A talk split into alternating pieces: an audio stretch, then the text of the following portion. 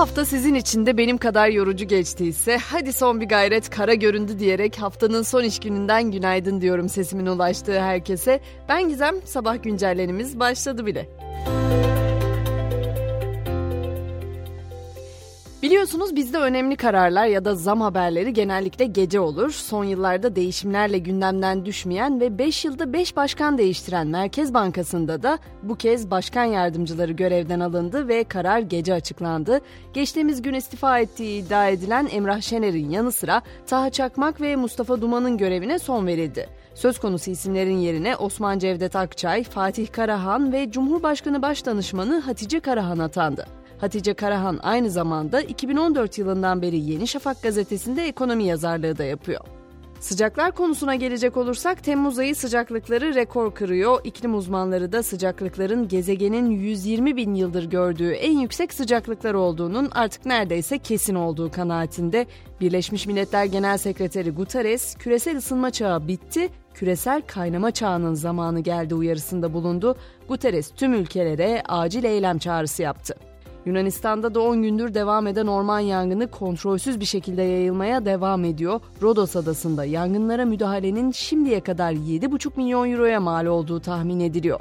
Yunanistan'daki yangın söndürme çalışmalarına Türkiye'den gönderilen uçaklar da katılıyor.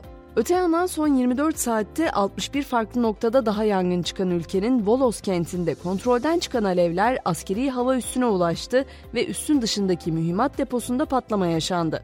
Neyse ki bölge daha önceden tahliye edilmişti. İstanbul'a geçecek olursak dün Ukome'den toplu taşımaya zam haberinin çıkmamasıyla biraz sevinmiştik ama motoruna gelen zamlar onun tuzu biberi olmuştu. İstanbul'da aynı zamanda 7 emin otopark ve araç çekme ücretlerine de %50 ila 67 oranında zam yapılmasına karar verildi. Bu kapsamda araç çekme ücretinin 400 liradan 630 liraya, 7 emin otopark günlük ücret tarifesinin ise otomobiller için 40 liradan 60 liraya çıktığı açıklandı. Turistik gezilerde artık oldukça maliyetli, Galata Kulesi'ne giriş ücreti de 650 liraya yükseldi. İstanbul'dan söz etmişken Tom Cruise'un başrol oyuncusu ve ortak yapımcısı olduğu Görevimiz Tehlike serisinin çekimleri için seçilen Kapalı Çarşı'daki mekanın sahibi görüntüleri sosyal medyaya sızdırınca filmin yönetmeni İstanbul çekimlerini iptal etti. Benim bu haberi gerçekten aklıma almadı. Yıllardır seslendirme yapan biri olarak söylüyorum. Biz ki bir filmi dublajlarken o kadar büyük gizlilik sözleşmelerine imza atıyoruz ki bırakın stüdyoya telefon sokmayı o film yayınlanana kadar kimseye hangi karakteri seslendirdiğimizi bile söyleyemiyoruz. İşte o gizlilik sözleşmesini ihlal eden esnafa şimdi ne gibi bir yaptırım uygulanacak merakla bekliyorum ben de.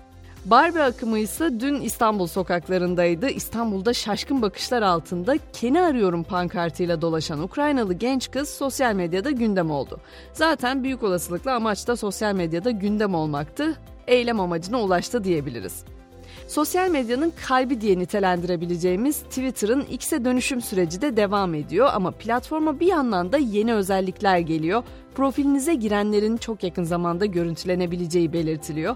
Bu arada Endonezya'da X çağı başlamadan bitti. Çünkü Endonezya İletişim Bakanlığı Twitter'ın yeni adresi olan x.com'u uygunsuz içeriklerle ilişkilendirerek erişime kapattı. Peki sırf sosyal medyadan, aramalardan, mesajlardan ya da bu tür haberlerden uzak kalmamak sizin için ne kadar değerli? Sevdiklerinizle boy ölçüşebilir mi mesela bu istek? Hindistan'da bir aile için her şeyden değerli olacak ki cep telefonu almak için 8 aylık bebeklerini sattılar. Geçim sıkıntısı çeken ailenin Batı Bengal'in bazı bölgelerini gezmesi ve yeni model bir cep telefonu alması komşularının dikkatini çekti. Aile cep telefonu almak ve sosyal medya videoları çekmek için bebeğini sattığını itiraf etti. Hem aile hem de bebeği alan kadın gözaltında.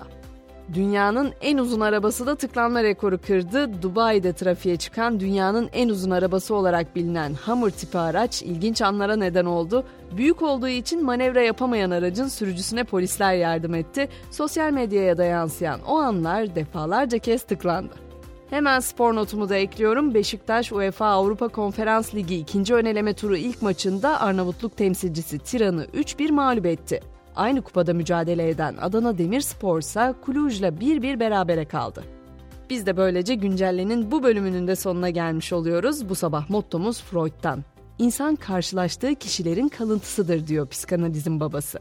Akşam 18'de haftanın son güncelleninde görüşmek üzere. Şimdilik hoşçakalın diyorum ben de.